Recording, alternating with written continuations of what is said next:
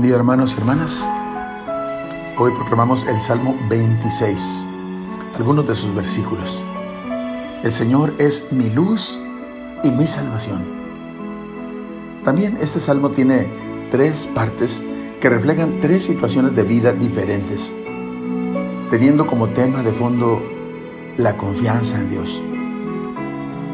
En su primera parte se nos expresa el sentido de confianza orientada a la alabanza a pesar del peligro.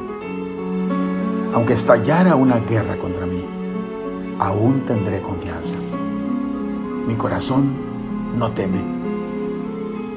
La segunda parte expresa el sentido de confianza hecha oración ante las pruebas de la vida. Mi cabeza se levanta sobre mis enemigos.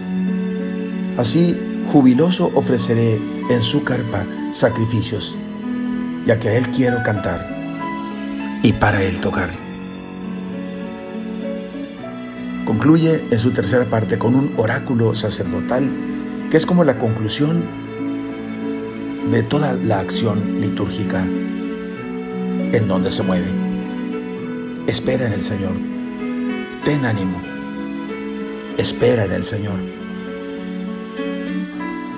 En la vida de Cristo el Señor, los dolores son siempre expresión de confianza y de esperanza, porque está convencido de que el Padre le glorificará con la victoria sobre la muerte y el triunfo de la resurrección.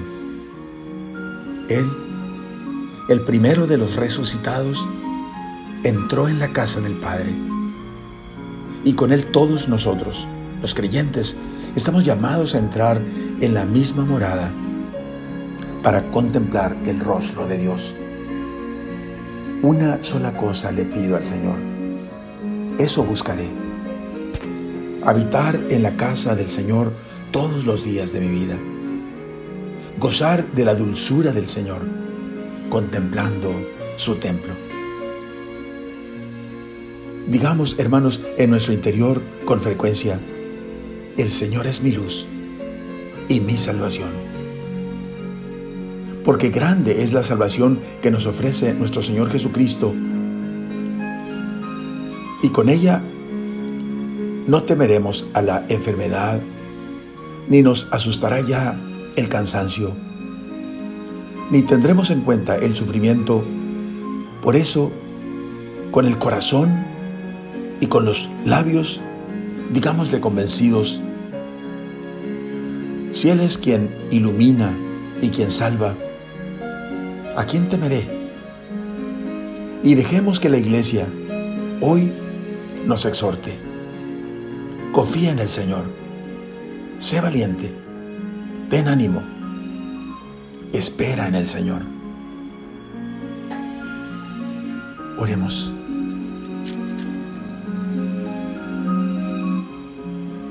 Una sola cosa te pido, Señor. Una sola es la que yo busco. Habitar en tu casa todos los días de mi vida y gozar de tu dulzura, Señor, cuidando tu santo templo. Amén. La bendición de Dios Todopoderoso, Padre, Hijo y Espíritu Santo, descienda sobre ustedes. Amén.